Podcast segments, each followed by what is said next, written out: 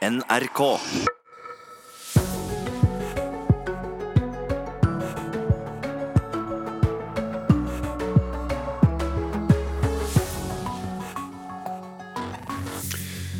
God morgen. Du står foran to timer med nyhetsoppdatering her fra oss på nyhetsdesken i NRK. Og her i Nyhetsmorgen skal vi snakke mer om det du for så vidt nettopp hørte om eh, i Dagsnytt. Om eh, elektriske biler, nærmere bestemt hva de store byene taper på at elbiler ikke betaler særlig for seg i bompengeringen.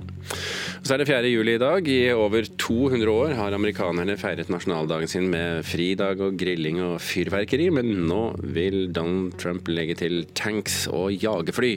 Og Bakgrunnen for dette og værmeldingen for Washington eh, i kveld skal du få når vi snakker med vår korrespondent om noen minutter. Er du typen som legger deg flat i tre uker i sommerferien, eller er du typen som benytter sommeren til endelig å få trent litt ordentlig og jevnlig? I dag skal du få høre at landets treningssentre for første gang har en omsetning som bikker fem milliarder kroner, og selv om det er ferietid, så strømmer det folk til eh, treningssentrene. Og så skal vi selvfølgelig krydre det hele med semifinalekampen i fotball-VM i går, og den polske regjeringens trakassering av domstolene. Det er en ny rapport fra Amnesty ute i dag. Men først ut i denne sendingen så skal vi snakke om den saken vi har fortalt om mye den siste uken. Det pedofile nettverket som politiet har avdekket. Rettspsykiater Randi Rosenquist frykter at pedofile nettforum, slik som det nylig oppdagede Boylove, kan bidra til å legitimere og normalisere pedofile handlinger. På det mørke nettet så møter pedofile hverandre, de utveksler historier og overgrepsbilder. Og Rosenquist frykter at en så enkel tilgang til overgrepsbilder for medlemmene av nettverket kan få store konsekvenser. Den største faren er det at folk som har pedofile interesser, får en bekreftelse fra andre at det er kanskje ikke så gærent. Men det som kanskje er mest alvorlig nå, er jo når man får en mer profesjonell produksjon av barnepornografi, hvor barn blir gjenstand for alvorlig gjentagende kriminelle handlinger. Man burde ikke kalle det pornografi, men overgrep av barn. Tirsdag ble det kjent at politiet mener de har avdekket et svært avansert 20 år gammelt pedofilt nettverk kalt Boylove. Flere av medlemmene i nettverket er norske, og via nettverket har medlemmene delt overgrepsbilder og videoer. Nettverket har tatt i bruk hemmelige symboler og spesialbygde datamaskiner. På Dagsrevyen tirsdag kveld viste etterforskningsleder Freddy Salazar frem noe av bevismaterialet de har samlet inn. Eh, nå ser vi deler av beslaget. Eh, disse består av store mengder data eh, og er veldig profesjonelt bygd. Med titalls terabyte og innhold og millioner av overgrepsfiler. Jeg tror at jo mer man interesserer seg for pedofile bilder og videoer, jo mer nærliggende blir det å ta skrittet videre og også gjøre noe fysisk selv. Det er ikke spesialist i klinisk sexologi Tore Langfeld enig i. De vi jobber med som har forgrepet seg på barn, som man kaller for pedofile, de forteller ikke noe i retning av det. At de føler at det, den kontakten de har hatt med andre, har eh, legitimert det de holder på med. De har mer sagt at eh, det er en måte å finne noen andre personer som også er i samme situasjon. Reporter her, det var Anna Lea Poppe. Klokka er eh, sju minutter over eh, sju. På tide å se litt på hva som skjedde i løpet av eh, natten. Over én million japanere evakueres fra øya Kyushu som følge av kraftig nedbør, ifølge japanske myndigheter. Rundt 1000 millimeter med regn har falt i områdene siden fredag forrige uke. Det er over dobbelt så mye som snittet for hele juli. I fjor utløste kraftig nedbør vest i Japan både flod og jordskred som tok livet av over 220 mennesker.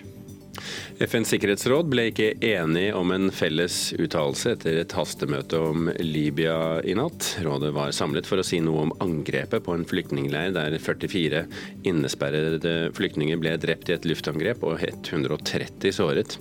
FN mener angrepet trolig er en krigsforbrytelse, og generalsekretær Antonio Guterres ber om at det åpnes en uavhengig etterforskning, men det kom altså ingen felles uttalelse i Sikkerhetsrådet etter hastemøtet. Så var det dramatikk i Oslo i natt, der eh, en mann gikk rundt og viftet med en pistol. Først så truet han ansatte ved et utested med pistolen, før han eh, stakk av.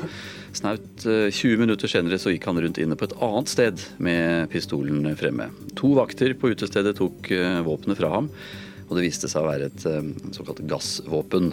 Mannen løp fra stedet, men ble senere pågrepet av politiet og er siktet for brudd på våpenloven. Og Her er noe av det du får vite mer om hvis du følger med på NRK Nyheter i dag. I dag eh, faller dommen i saken mot tidligere fiskeriminister og fylkesmann Svein Ludvigsen. Rettssaken ble avsluttet eh, tirsdag forrige uke, og nå i dag rundt eh, klokka tolv så faller dommen. Svein Ludvigsen måtte møte i Nord-Troms tingrett, tiltalt for å ha utnyttet stillingen sin til å oppnå sex med tre unge mannlige asylsøkere. Og så er det den eh, store dagen i USA i dag, nasjonaldagen 4. juli. 4. juli var dagen da USA fikk underskrevet uavhengighetserklæringen av kongeriket Storbritannia i 1776. England, var det det? Husker ikke. Var det Storbritannia eller var det England? Uansett. Siden 1777 har det vært vanlig med fyrverkeri på denne dagen, men i år ønsker president Donald Trump å skru opp temperaturen litt. Han har bedt om at det utstilles eh, stridsvogner og flys militære jagerfly over når han skal holde tale i forbindelse med USAs nasjonaldag.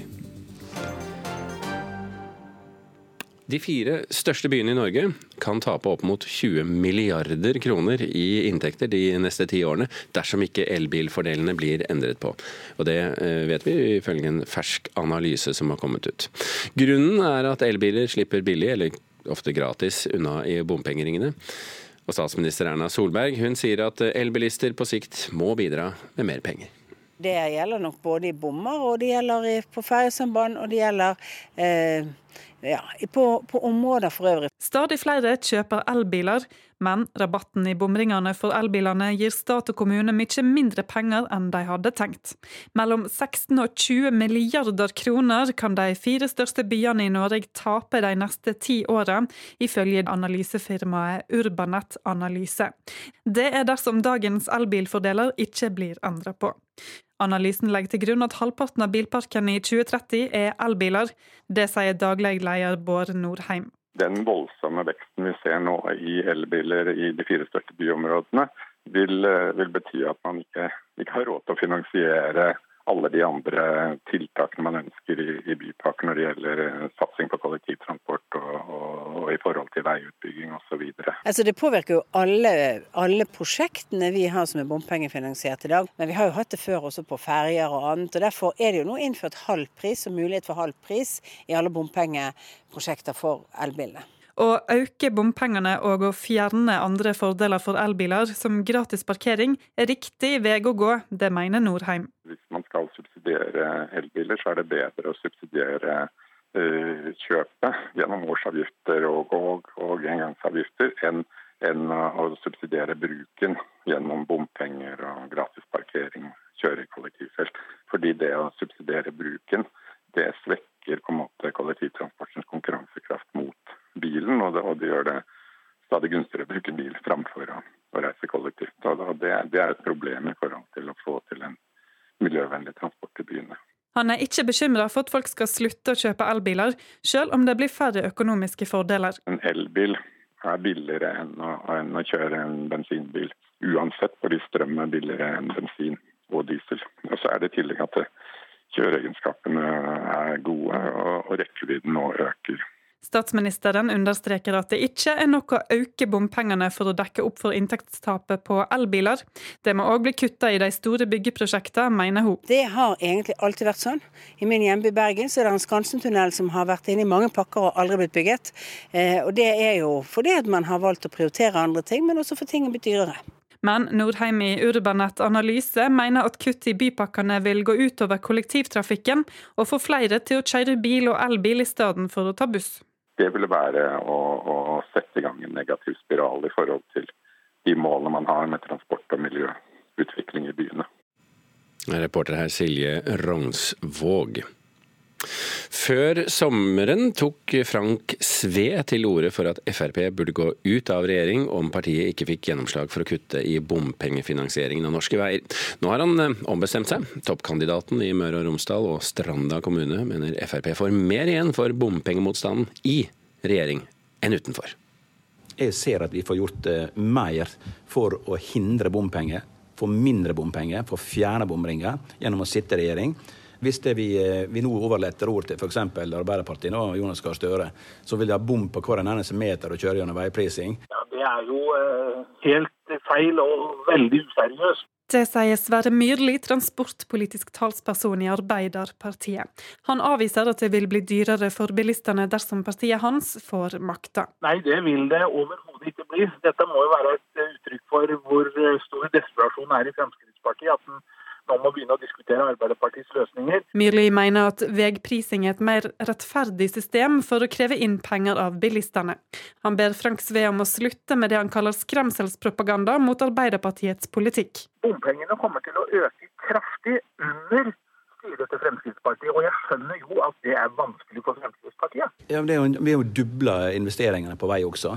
Det har gått fra noe 30 milliarder opp i over 70 milliarder til vei. Selv om Frank Sve sto i spissen for grasrotopprøret om bompenger i Frp, sier han nå at han har tillit til at regjeringspartiene vil komme med en god løsning på bompengeproblemet i august. Jeg tror det er Erna Solberg og, og, og KrF KrF Venstre har skjønt eh, hva som skjer i Norge i forhold til bompengeopprøret. Jeg håper at vi får til et, et bra resultat. Og så får vi uh, møtes igjen i landsstyret og, og ta stilling til hvor resultatet ble. Reporter her, det var Silje Rognsvåg og Alexander Åsnes. Og Frank Sve kan du lære mer om sånn ca. kvart på åtte i dag, for i sommer så sender vi politiske portretter nå i oppkjøringen til kommunevalgkampen. Der vi vanligvis har Politisk kvarter. Og så til spørsmålet om Storbritannia. Om det var eh, Storbritannia eller England USA ble eh, fri fra i 1776. Storbritannia ble skapt i 1707, da personalunionen mellom kongerikene England og Skottland ble omformet til en real union. Så ja, USA frigjorde seg fra Storbritannia og ikke England.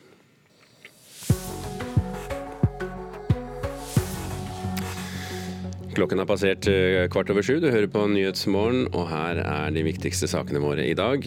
Rettspsykiater frykter at pedofile nettforum kan bidra til å normalisere pedofile handlinger. De fire største byene i Norge kan tape 20 milliarder kroner hvis elbilistene ikke betaler mer i eh, bompenger. Og For første gang har omsetningen ved landets treningssentre bikket 5 milliarder kroner, og selv om det er ferietid, så strømmer folk til treningssentrene. Mer om det skal du få vite før klokken blir halv åtte. Det er altså 4. juli. Og det betyr at det er USAs nasjonaldag. President Donald Trump har planlagt en stor parade og en tale som er ment som en hyllest til landets militære i Washington i dag. Men kritikerne de mener Trump nå politiserer både anledningen og landets forsvar, og sier at arrangementet minner mer om en statsfinansiert valgkamp enn nasjonaldagsfeiring. Washington-korrespondent Anders Magnus sier det ikke er så ofte at man ser militærparader i USA. Det er veldig uvanlig, og derfor er det jo også svært mange som reagerer på det, også blant de militære, fordi de er redd for at de kan bli tatt til inntekt for en eh, spesiell politisk retning. Eh, og eh, Forsvaret skal jo være for hele nasjonen, uavhengig av politisk ståsted. Men det er jo også mange som syns dette er fine greier, og at militære styrkene fortjener å bli hedret på denne måten. Så eh, som ellers i eh, USA for tiden, så er det to meninger eh, som er sterkt divergerende. Men hvorfor ønsker egentlig Trump en sånn type militær parade? Trump har hele tiden sagt at han skal gjøre USA stor igjen. Og i det så ligger det også at landet skal bli mektigere. Da trenger man militære styrker som er eh, på hugget. Og han har jo skrytt mye av at han har fått til eh, en økning av militærbudsjettet. Så han vil gjennom dette vise at han tar eh, de militære på alvor. At det er så å si ryggraden i eh, USAs makt verden over. Det har det jo for så vidt alltid vært. Men eh, andre presidenter har vært mer tilbakeholdne med å vise det for verden på denne måten gjennom slike parader. Og, og en slik overflyging med militærfly som Trump har planlagt. Han skal jo også ha tanks og militære kjøretøyer eh, utstilt på den store The Mall eh, midt i eh, Washington.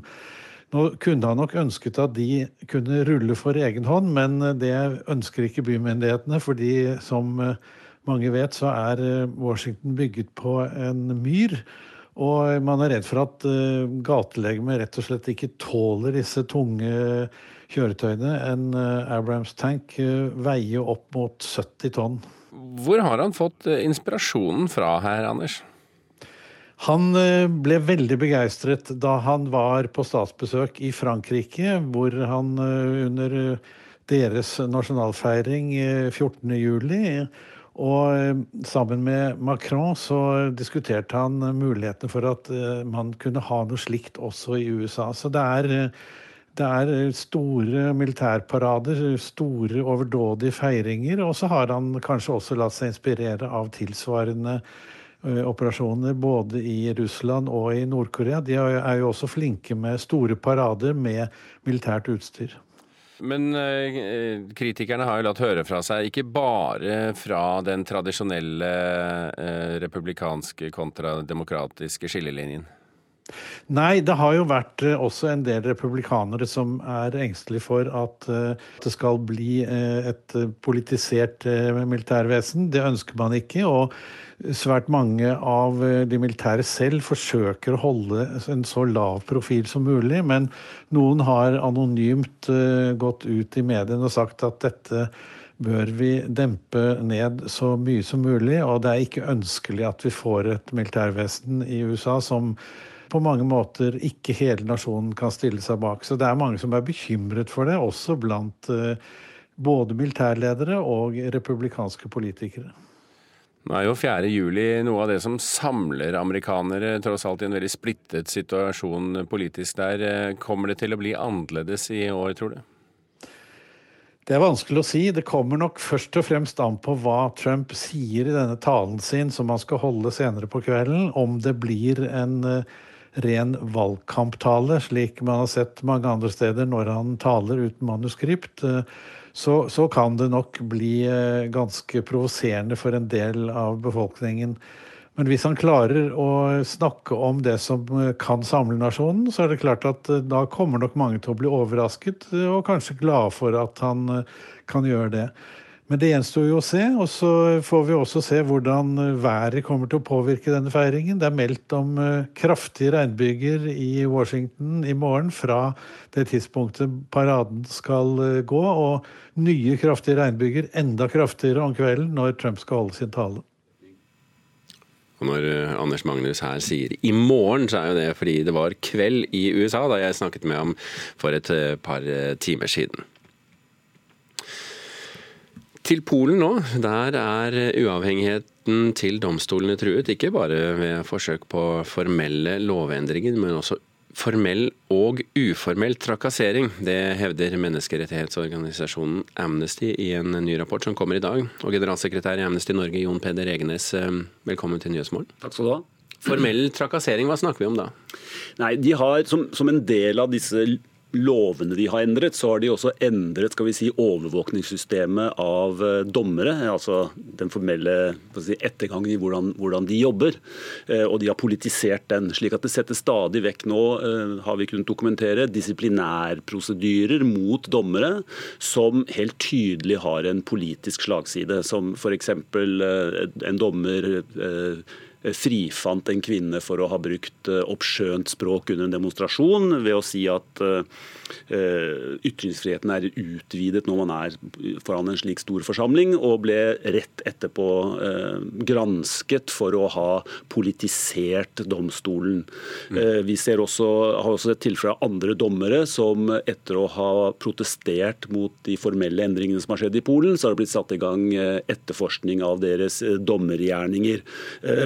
Unnskyld. De har alle til nå endt med frifinnelse, men, det, men systemet er liksom satt i gang. og Det er klart det er, en, det er en form for trakassering. Det er en måte å hele tiden pushe disse dommerne på. og men, men det brukes et om, formelt system. Men dere snakker også om uformell trakassering. Hva er det for Ja, Disse dommerne har i stor grad også altså De dommerne som har profilert seg som eh, motstandere av de nye lovene, eh, som kontrollerer og politiserer domstolen, de opplever eh, trakassering på nettet, eh, eh, svertekampanjer i mediene osv. Og, og, og det er kanskje noe som er, gjør at vi er ganske sikre på at det er myndighetene som står bak, for det er en del anonyme konti eh, på Twitter f.eks.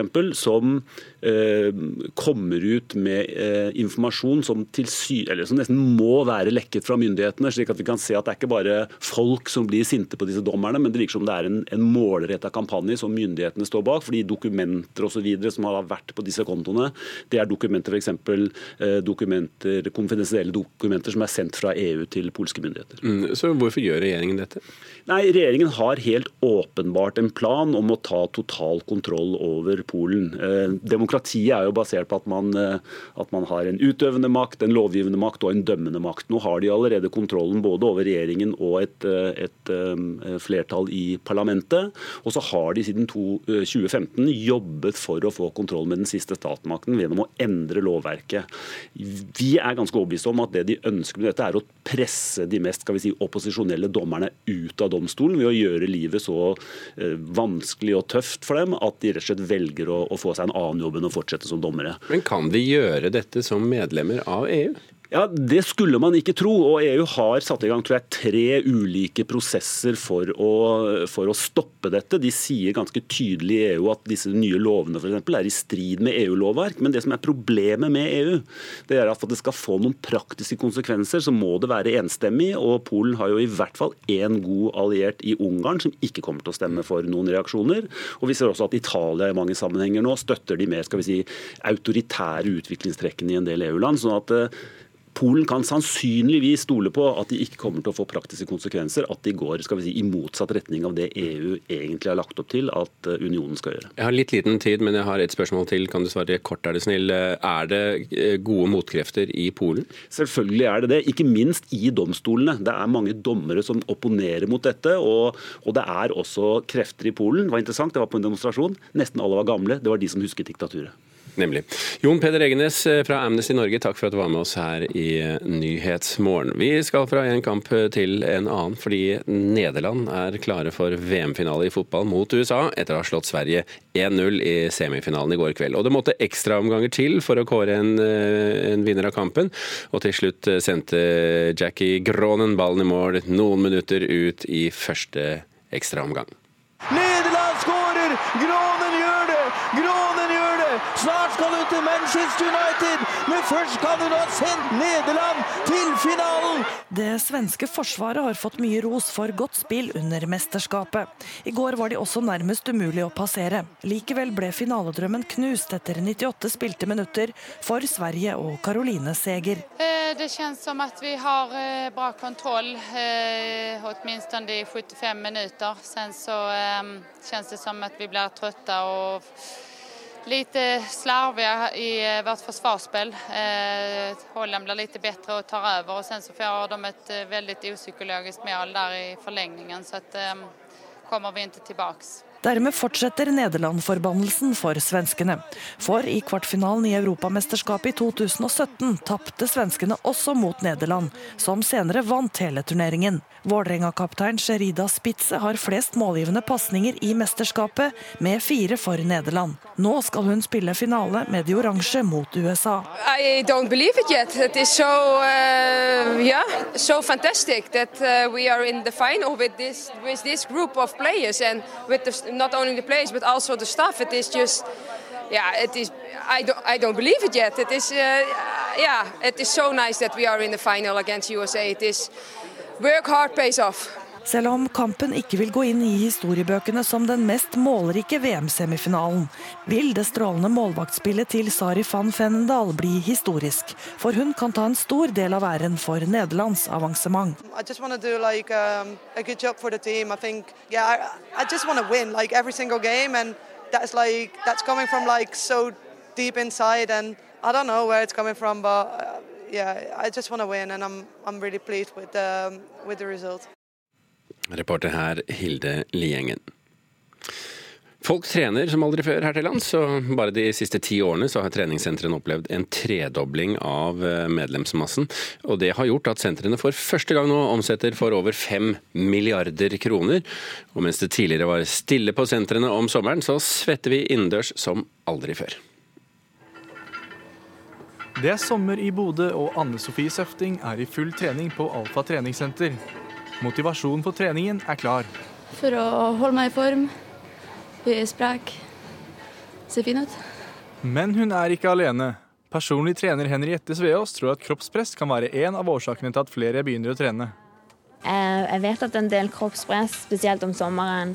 Det er mange som snakker om sommerkroppen 2019. Mange snakker om sommerkroppen, og mange trener.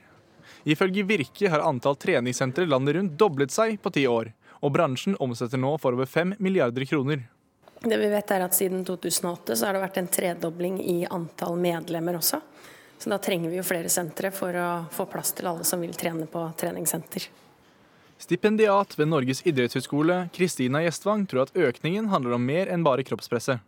Det kan nok ha med at det har da siden tidlig 90-tallet vært et skifte for at vi har gått mer fra trening på idrettsarenaer eller idrettsklubber til treningssentre, og at det er mer og mer en grad av kommersiell og individuell trening. Jeg tror de fleste tenker på helse, men at det er i tillegg til det også finnes. Så det er ikke motsatt? Kanskje. Du hørte til eh, slutt her Anne Sofie Søfting, reporter det var David Engemo. Klokka nærmer seg eh, sannelig halv eh, åtte. Det betyr at uh, Nyhetsmorgen går over i uh, Dagsnytt uh, i ti minutter. Og når Anders Borgen Werring er ferdig med sitt, så skal vi tilbake. Og så skal du bl.a. få portrettet av Fremskrittspartiets Fremskrittsparti, en av Fremskrittspartiets folk i som skal ut i valgkampen, Frank Sve. Pedofilt nettforum er med på å normalisere overgrep mot barn, advarer en psykiater. De største byene her i landet går glipp av milliardinntekter hvis ikke elbilistene betaler mer. Det settes kulderekord i sommermåneden juli, men har solhungrige egentlig noe å klage over?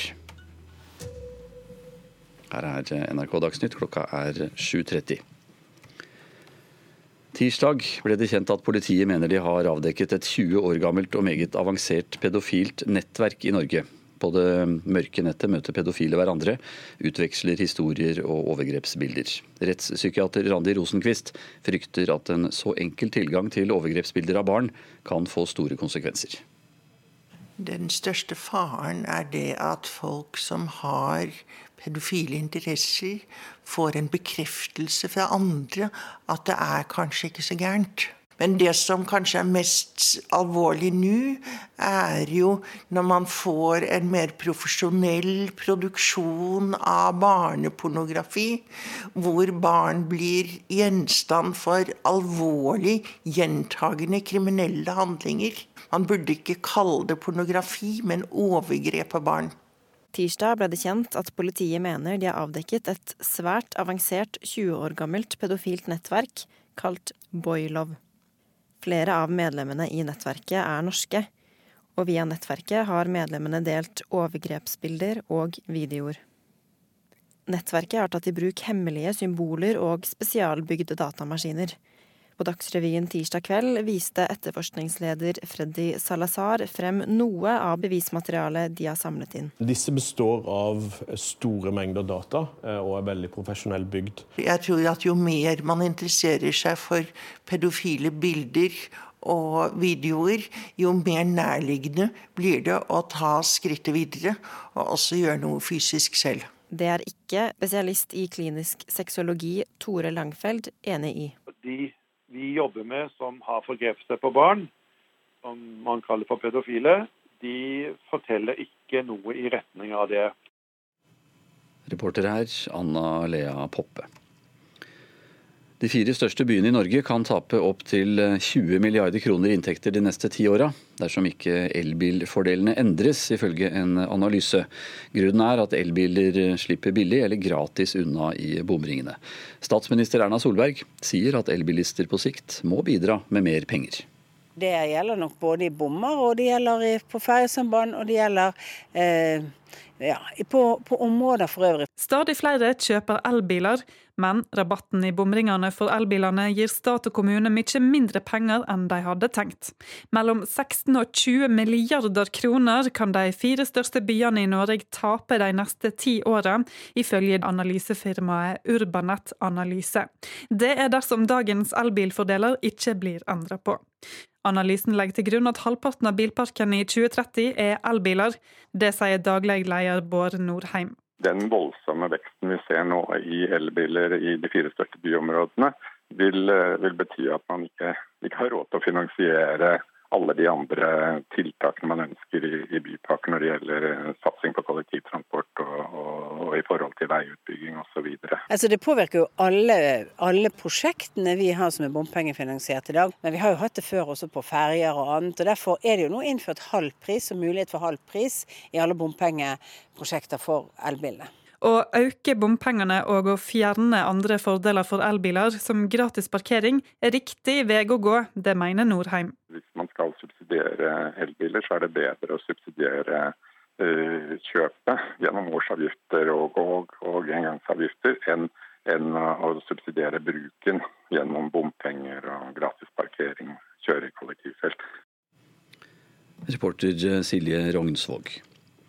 I dag faller dommen i saken mot tidligere fiskeriminister og fylkesmann Svein Ludvigsen. Ludvigsen måtte møte i Nord-Troms eh, tingrett, tiltalt for å ha utnyttet stillingen sin til å oppnå sex med tre unge mannlige asylsøkere. Og reporter Pål Hansen, eh, hva må retten mene er bevis utover enhver rimelig tvil for å dømme Ludvigsen? Ja, Retten må mene at det er bevist at han har misbrukt stillinga, eh, avhengighetsforhold eller et tillitsforhold overfor de tre. Eh, det er altså ikke slik at eh, Ludvigsen er tiltalt for å ha hatt eh, sex med disse tre. Han er tiltalt for å via stilling, ansvarsforhold og avhengighetsforhold ha misbrukt den tilliten han har bygd opp overfor de tre. Og Retten må altså finne at det er bevist utenom, utover enhver rimelig tvil at dette har skjedd, og at Ludvigsen også har visst at det var det han gjorde. Men hva var bakgrunnen for at politiet mm, startet etterforskning mot Ludvigsen? Det starta egentlig i 2015 med at en ung eh, asylsøker eh, tok kontakt med politiet. Politiet etterforska den saken, men henla den. Og så i januar i 2018 så kom det ei bekymringsmelding via en, eh, en statlig institusjon i Oslo-området, og man starta etterforskning, som endte opp med at han ble tiltalt for å overfor tre unge asylsøkere skal ha utnytta stillinga si, utnytta ansvarsforholdet eller utnytta tillitsforholdet. Og Det var en ganske bred etterforskning. Det var ti dager i retten med omfattende eh, bevisførsel. Nå er det sånn at Ludvigsen hele veien har nekta for beskyldningene. I retten så innrømte han å ha hatt sex med den ene av de tre unge asylsøkerne, men sa at dette var frivillig. Så det retten altså kommer til å ta stilling til, og dommen kommer i løpet av formiddagen, er om han er skyldig i henhold til tiltale. Takk skal du ha, reporter Pål Hansen. Dom faller altså rundt eh, klokka tolv i dag i Nord-Troms tingrett. I dag markeres den amerikanske nasjonaldagen 4. juli over hele USA. President Donald Trump har planlagt en stor parade og en tale som er ment som en hyllest til landets militære i Washington i dag. Amerikanske folk er delt i synet på militærparaden. USA-korrespondent Anders Magnus sier det ikke er så ofte man ser militærparader i USA. Det er veldig uvanlig, og derfor er det jo også svært mange som reagerer på det, også blant de militære, fordi de er redd for at de kan bli tatt til inntekt for en eh, spesiell politisk retning. Eh, og eh, Forsvaret skal jo være for hele nasjonen, uavhengig av politisk ståsted. Men det er jo også mange som syns dette er fine greier, og at militære styrkene fortjener å bli hedret på denne måten. Så som ellers i USA for tiden, så er det to meninger som er sterkt divergerende. Det er eh, juli og ferietid, men eh, i store deler av Norge så er det lite som minner om sommer akkurat nå. På Juvashytta ved Galdhøpiggen ble det målt 6,4 minusgrader i går. Det er den laveste sommertemperaturen eh, for en julimåned siden 1964. Også i Møre og Romsdal ble det satt kulderekord.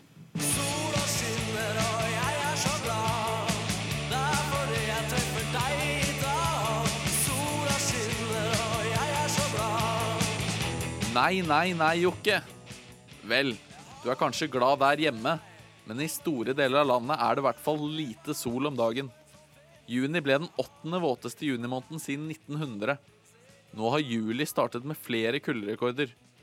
På Dalsnibba med utsikt over Geiranger fikk Stig Jonny Buvik en litt spesiell bursdag.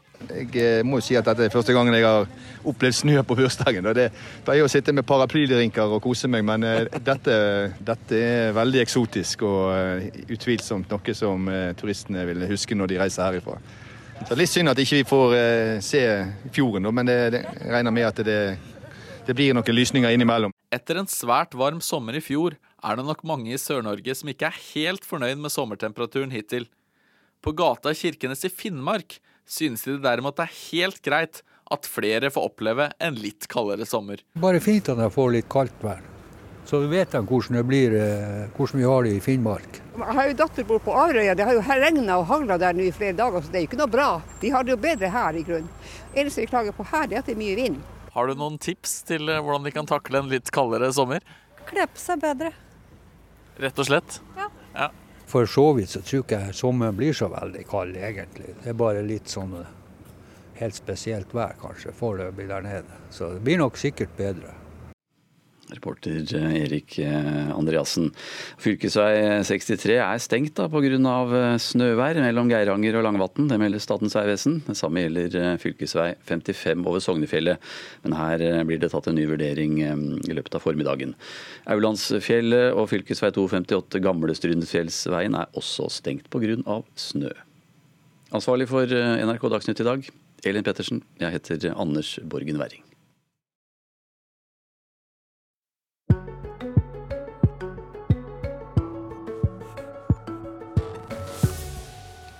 Og apropos vær, så kan det jo godt hende at de hadde håpet på litt bedre vær, eh, særlig i Sogn. Fordi eh, der er det nå på gang eh, drueranker ned i eh, jorden, som da teoretisk sett skal gi førsteklasses eh, vin på Leikanger og Frønningen. Men det kreves nok litt bedre vær enn det er akkurat nå. Uansett, de første plantene har kommet i jorden.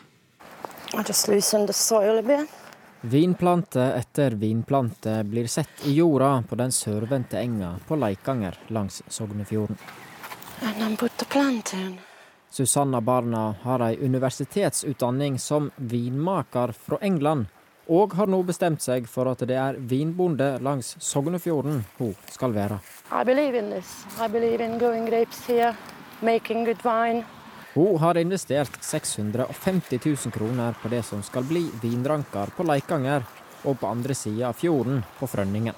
På Leikanger skal det først og fremst produseres vin, medan hun på Frønningen også vil tilby vingårdsbesøk. 3500 planter skal i jorda. Well, when I told it in England at my university, they were laughing at me. So I want to prove them as well that it's possible. det er i underkant av 30 personer i Norge som driver med vinproduksjon. Litt over 20 personer driver med det på hobbybasis, men er såpass store at det ikke kan regnes som hagekos, og fem-seks personer som driver kommersielt. Men Erik Lindås, som er formann i foreningen Norske druedyrkere, kan fortelle at de stadig blir flere. Akkurat de siste fire-fem årene så kan jeg vel kanskje si at han har vært nærmest eksplosiv. da. Fra, å gå fra veldig lite da, til, til, til litt lite.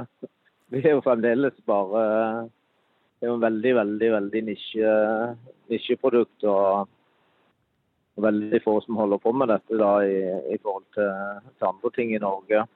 Men det, det, plantes ut mange mange tusen planter hvert år nå. og En veldig mer, stadig økende interesse for folk som har lyst til å, å sette vinstopper og begynne med vinproduksjon i Norge. da. Er det forutsetninger for å, for å drive med vin på heltid uh, i Norge? Ja, det, det, det mener vi jo selvfølgelig vi som setter i gang med det. Noen kilometer lenger inn i fjorden fra der Susanna holder på, på Slinde i Sogndal, er Bjørn Bergum og Haldis Nedrebø godt i gang med å stelle sine drueplanter. Men du ser at det gror. Så det her kommer til å bli god vin hvis vi får fortsatt sånn godt vær som det er. De har drevet på noen år, og har bl.a. vunnet prisen for Årets vinbonde på Norsk vinskue. Vi kommer til å satse på at vi får aromatiske, syre, friske, fruktige viner. Og det er det som kommer til å bli vinstilen her på Slinde. Eh, og ved Sognefjorden. For dette her er helt sikkert eh, de beste områdene til å dyrke vin på. Susanna kom til Norge første gang for å hjelpe til på Slinde. Da så hun potensialet og ville prøve sjøl. Det tykker naboene er helt strålende. Det er jo helt fantastisk at Susanna kom over fra England, så nå er hun i gang med eh, 3500 eh, Solaris og andre. Det som er i ferd med å, å få til et eh, lite vindistrikt her ute. Utad på Leikanger er Susanne godt i gang med å klippe gresset mellom vinplantene. Neste høst håper hun at hun kan begynne å høste druene og lage edle dråper. Yeah, I think they love the soil and the climate so far. They are very happy. And just look at it. Reporter her, det var Sondre Dalaker.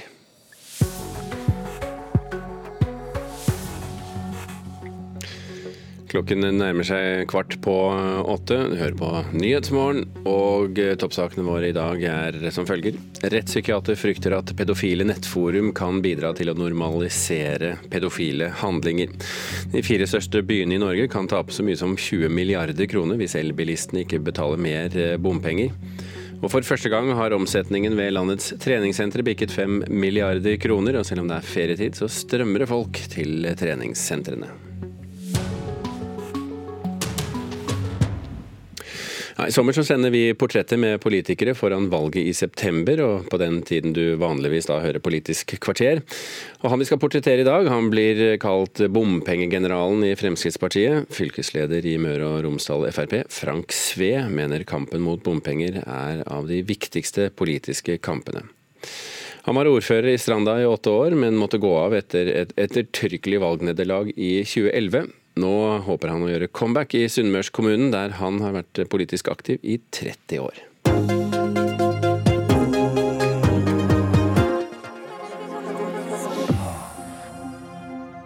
Jeg var veldig tidlig inn og, og engasjerte meg litt eh, lokalt, for jeg syns det var ganske mange ting som var aldeles greineløst i den tida. Det er ikke et positivt adjektiv? Nei, greineløst det, det, er ganske håpløst, for å si det på, på litt eh, forståelig. da.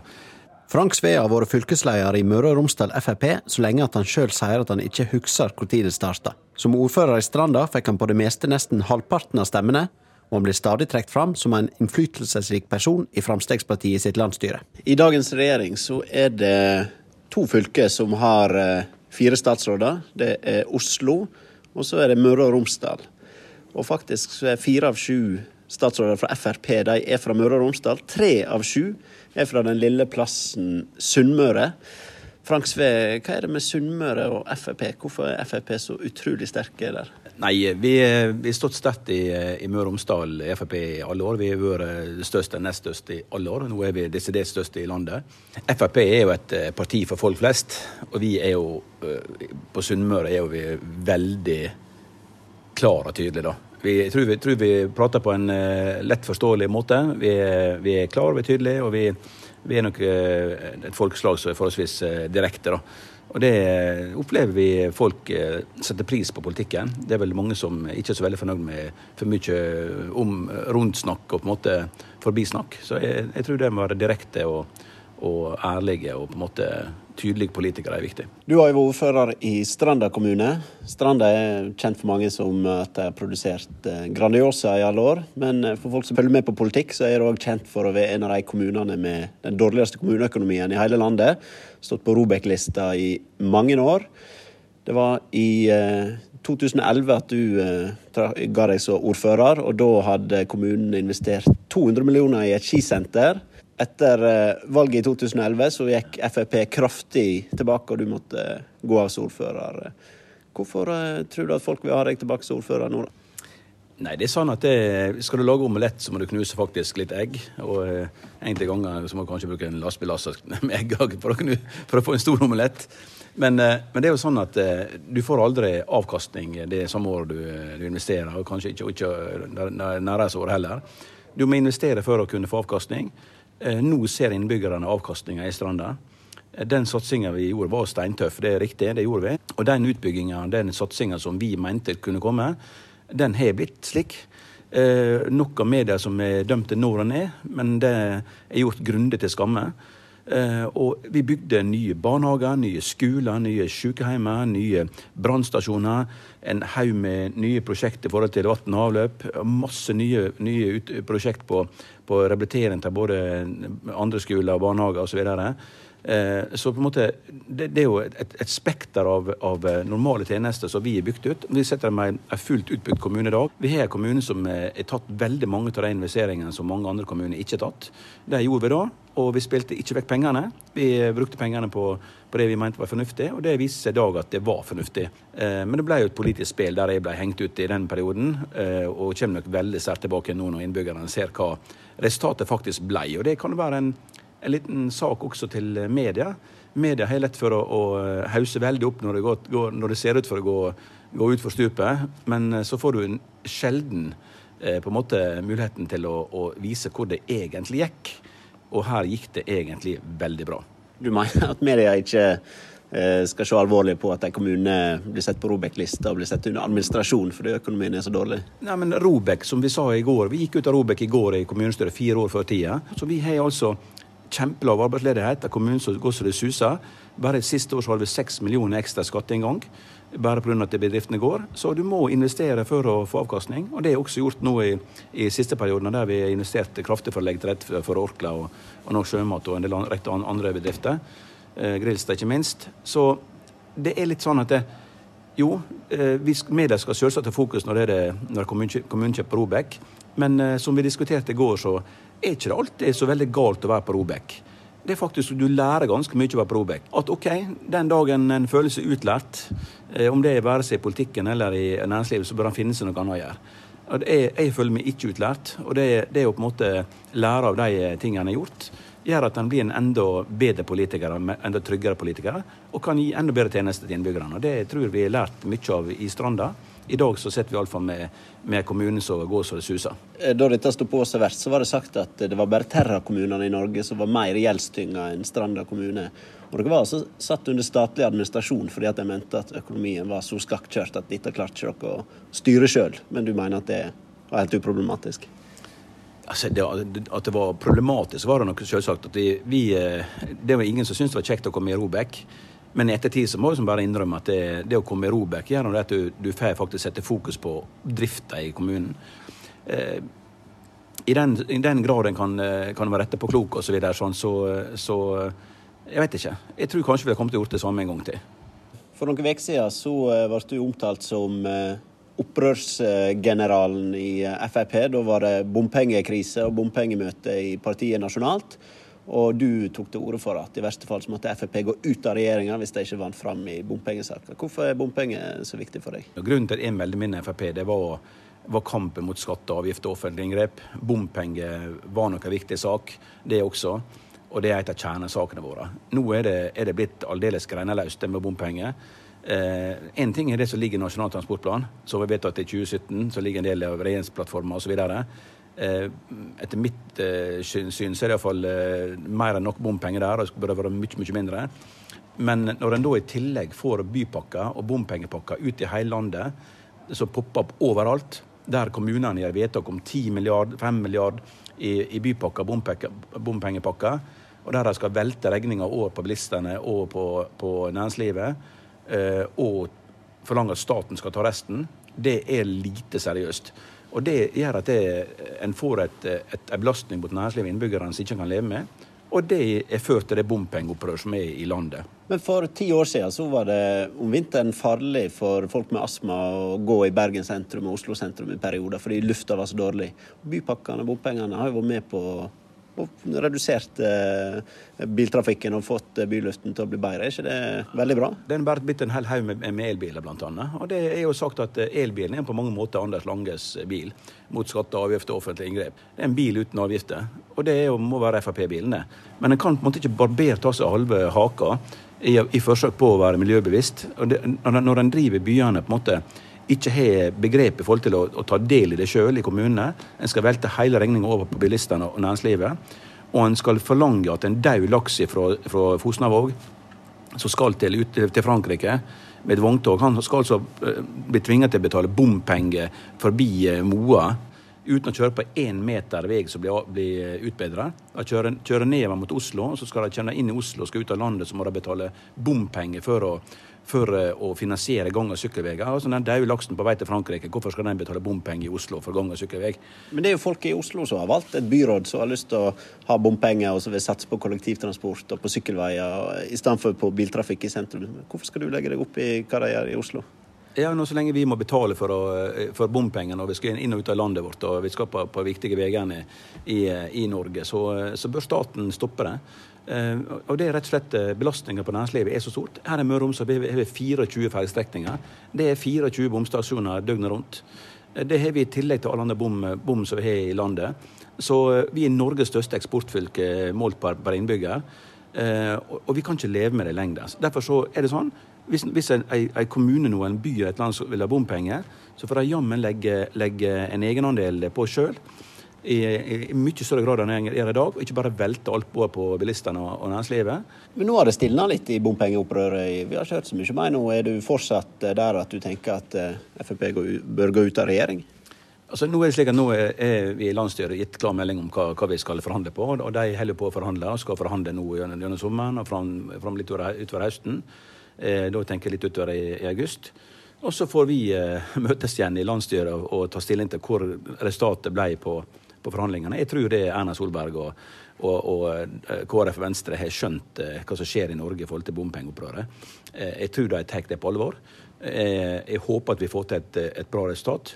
Jeg ser at vi får gjort mer for å hindre bompenger, få mindre bompenger, få fjerne bomringer gjennom å sitte i regjering enn å overlate stafettpinnen f.eks. til Jonas Gahr Støre. Hva mener du med det? Bompengene har jo gått opp med mange milliarder mens dere har sittet i regjering. Ja, det er jo, Vi har jo dobla investeringene på vei også. Det har gått fra noe 30 milliarder opp i over 70 milliarder til vei. Og det er klart at det, altså, Men Du sa nettopp at, at dere har mer kontroll på bompengene når dere sitter i regjering. Ja, det, det, betyr det at hvis det vi, vi nå overletter ord til f.eks. Arbeiderpartiet og Jonas Gahr Støre, så vil de ha bom på hver eneste meter og kjøre gjennom veiprising. Eh, det har vi bl.a. stoppa nå. Og vi har jo fjerna en god del bommer. Og vi klarer faktisk å gjøre en forskjell på en rekke områder, bl.a. det vi gjorde i Ålesund nå. Der flertallet vil ha en, ha en bypakke på 7 milliard. Og der eh, Jon Georg Dahlberg sa njet, det blir, det blir halvparten. Og så får dere komme tilbake med en pakke som, eh, som, eh, på en måte kan være forsvarlig. Den er altfor stor sånn som den er nå i dag også. Og de er nødt til å justere ytterligere. Og så kom han noen dager etterpå med at det var forbudt med, med bompenger på sidevei. For et par år siden havna Frank Sve i det nasjonale søkelyset da han lå an til å få den sikre stortingsplassen til Frp i Møre og Romsdal. Men mange i partiet mente at Sylvi Lysthaug heller burde få den. Og slik gikk det også. Men Sve påstår at han ikke er bitter.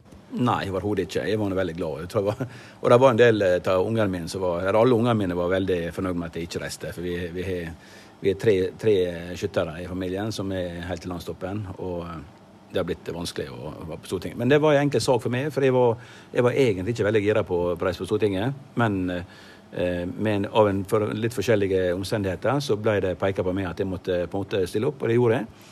Og så ble det noe kommunikasjonssvikt, for å si det sånn. da.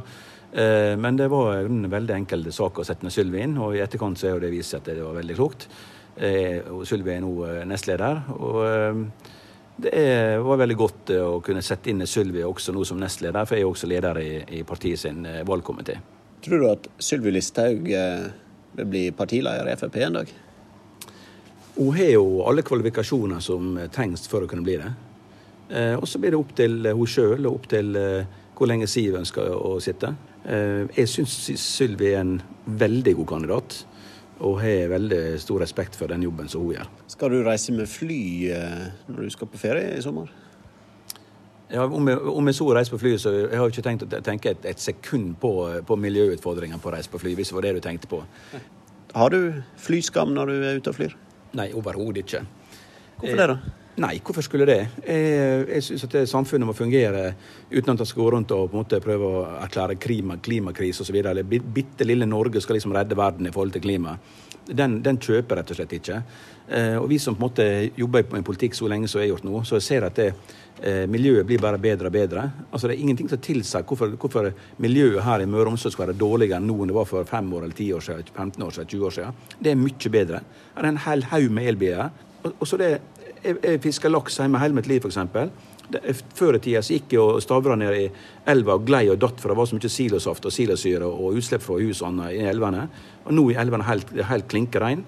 Så, så, det er ingen som kommer og forteller meg når jeg er ute og farter i naturen, jeg liker godt å bruke naturen, og forteller at det Møre og Romsdal er mer forurensa nå enn det var for 5-10-15-20-30 år siden.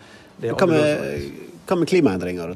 Det er jo folk i Frp som mener at klimaendringene ikke er menneskeskapte. Hva mener du? Det er altså klart at det, det, er jo ikke tvil om å se at det er, er, er klimaendringer som, som kan være, være, menneskeskapt. Når en ser på, på, på, Kina og India og de store nasjonene som på en måte forhold til kålkraft og alt mulig annet, så, så ser en at det er forurensning mange plasser. Men, eh, men, samtidig så har nok naturen en, en utrolig evne til å, å ta oss inn igjen og justere ting på plass. Nå ser jeg bare på en måte de store vulkanutbruddene. Det er ikke lang tid før naturen er rydda opp. Ja, det var eh, Frank Sve fra Fremskrittspartiet du hørte i dette sommerportrettet som vi for tiden sender istedenfor Politisk kvarter her i Nyhetsmorgen. Reporter det var Alexander Åsnes.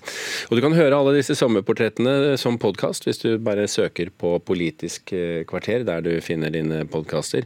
Og så er det jo bare fire så langt, men det vil jo bli veldig mange utover, eh, utover sommeren. Så, så, så om det. Nå er det straks, straks Dagsnytt.